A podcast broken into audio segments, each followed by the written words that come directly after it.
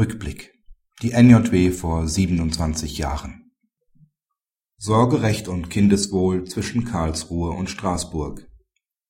Der EGMR hat mit seiner Entscheidung vom 3.12.2009 die deutsche Regelung des Paragraphen 1626a BGB, die die elterliche Sorge nicht miteinander verheirateter Eltern nur dann beiden gemeinsam zuweist, wenn, sollte es nicht doch noch zu einer Eheschließung kommen beide Seiten eine dahingehende Sorgeerklärung abgeben, für konventionswidrig erachtet. Der allgemeine Ausschluss einer gerichtlichen Überprüfung der ursprünglichen Übertragung der Sorge allein auf die Mutter sei zu dem berechtigten Ziel des Schutzes des Kindeswohls nicht verhältnismäßig, da nichts es rechtfertige, von der zweifellosen Existenz desinteressierter und ungeeigneter nicht-ehelicher Väter auf eine entsprechende Einstellung bei allen nicht-ehelichen Vätern zu schließen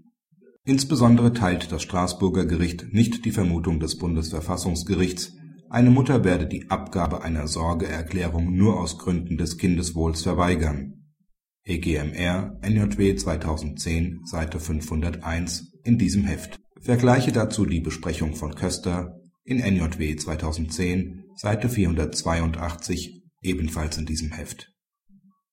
in Heft 8 der NJW von vor 27 Jahren besprach Manfred Hinz eine Entscheidung des Bundesverfassungsgerichts, die eine Wende in der stark kindeswohlorientierten Haltung dieses Gerichts zu signalisieren schien (NJW 1983, Seite 377).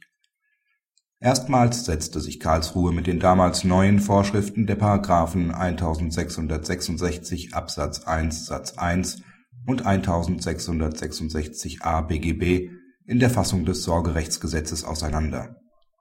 Diese Vorschriften ließen eine Trennung des Kindes von der Familie bei unverschuldetem Elternversagen zu, wenn der Gefahr für das Kindeswohl nicht auf andere Weise, auch nicht durch öffentliche Hilfen begegnet werden konnte. Das Bundesverfassungsgericht bejahte damals die Vereinbarkeit dieser Vorschriften mit dem Grundgesetz, verneinte aber das Elternversagen in einem Fall, in dem es um die Unterbringung eines körperlich und geistig gesunden Kindes behinderter Eltern in einer Pflegefamilie ging